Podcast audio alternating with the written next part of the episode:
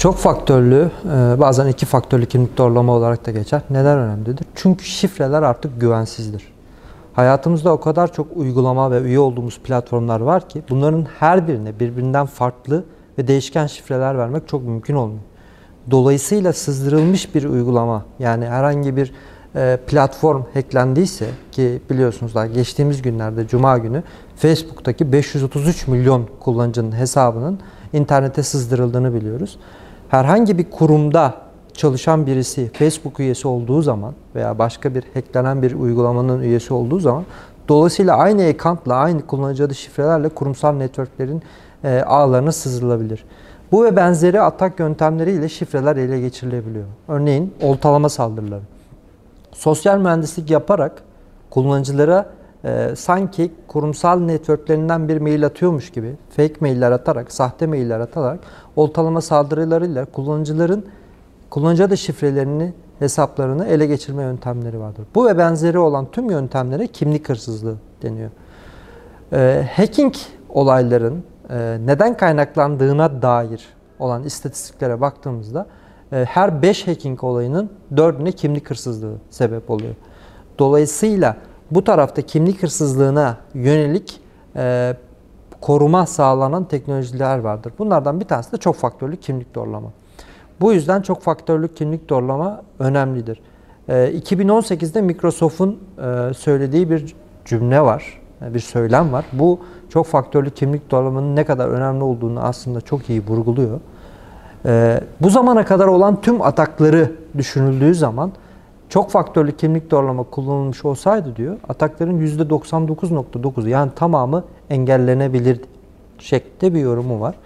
Biz mirket olarak çok faktörlü e, kimlik doğrulama süreçlerini e, entegre olduğumuz noktalar şunlardır. E, kullanıcılar yoğun bir şekilde uzak bağlantılarla, SSL VPN, VPN bağlantılarıyla iş networklerine erişiyorlar. Burada kişiler sadece kullanıcı adı ve şifreyle giriş sağlamamalı ikinci bir doğrulama metodu olarak bu SMS olabilir, mobil uygulama olabilir. Yani birinci şifreden bağımsız bir uygulama olarak erişim sağlamalıdır. Yani benim cep telefonum çalınırsa ne olur tarafında oluyor. Özellikle bu işte kripto paraların e, üye olmasıyla işte birçok borsa tarafında da olabiliyor. E, eğer iki faktörlü kimlik doğrulamada bir cep telefonu entegrasyonu yapıldıysa ve cep telefonu çalınırsa ben nasıl giriş sağlayacağım korkusu oluyor. Burada tabii biz e, bu anlamda mümkün olduğunca ürünün hem yönetimi hem rejistrasyonu hem de son kullanıcıya değen e, kısmı kolay yapmaya ve e, adaptif authentication dediğimiz adaptif doğrulama, kimlik doğrulama ile estek yapmaya başardık. E, kullanıcı e, herhangi bir şekilde cep telefonunu e, bir yerde unutup çaldırıp ya da e, cep telefonunun arızalanması durumunda IT yöneticisine başvurarak tekrar aynı e, bir şekilde etkisini sürdürebilir. E, bir başvuru sürecinde geçici olarak çok faktörlü kimlik doğrulamayı devre, devre dışı bırakıp yeni bir cep telefonu alıp ve rejistrasyon kaydını sağlayabilir. Çok faktörlü kimlik doğrulama diğer güvenlik çözümleriyle aralarındaki farka baktığınızda kapattığı gap diğer güvenlik cihazlarının kapatamadığı bir gap'ı temsil etmektedir. O yüzden e, diğerleri, diğer güvenlik çözümleri de önemlidir, kullanılmalıdır. Ama çok faktörlü kimlik doğrulama kullanılmadığı takdirde ciddi anlamda bir açık vardır. Bariyeri A noktasında korumak gerekmektedir. Yine aynı şekilde farklı güvenlik çözümlerine baktığımızda e, siber güvenlik dünyasında olanlar bilir. CM, log yönetimi cihazları vardır. Olay olduktan sonra neden olduğunu size anlatan bir tool'dur. Çünkü bu tool diyorum insanların e, yönettiği cihazlar bunlar. İnsana bağlı olan cihazlar. Dolayısıyla burada yine legal bir trafik olduğu için yani kimlik hırsızlığından dolayı ele geçirilen şifreleri kullanılan bir e, metot olduğu için bir anomali durumu yoktur ve tespit edilmesi zordur. Bundan dolayıdır ki IT bileşenlerinin her alanında, bütün uygulamalarda çok faktörlü kimlik doğrulama kullanılmalıdır. Şöyle örnek vereyim.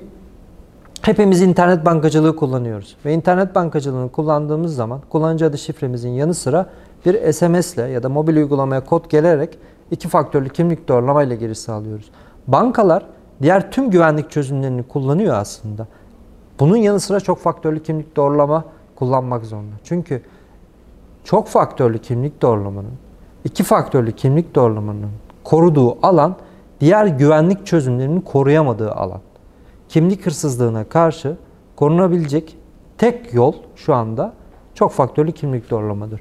Bundan dolayıdır ki IT bileşenlerinin her alanı nasıl bankamızdaki maddi değerler önemli olduğu gibi IT dünyasında kurumların IT bileşenlerindeki veriler, e, ağ yapısı, güvenlik yapısı da önemlidir. Bundan dolayıdır ki güvenli erişim için çok faktörlü kimlik doğrulama kullanılmalıdır. Baktığımız zaman e, internet bankacılığından dolayı aslında çoğu kullanıcı çok faktörlü kimlik doğrulamayı kullanıyor. Ama farkındalık daha farklı bir şey bu anlamda.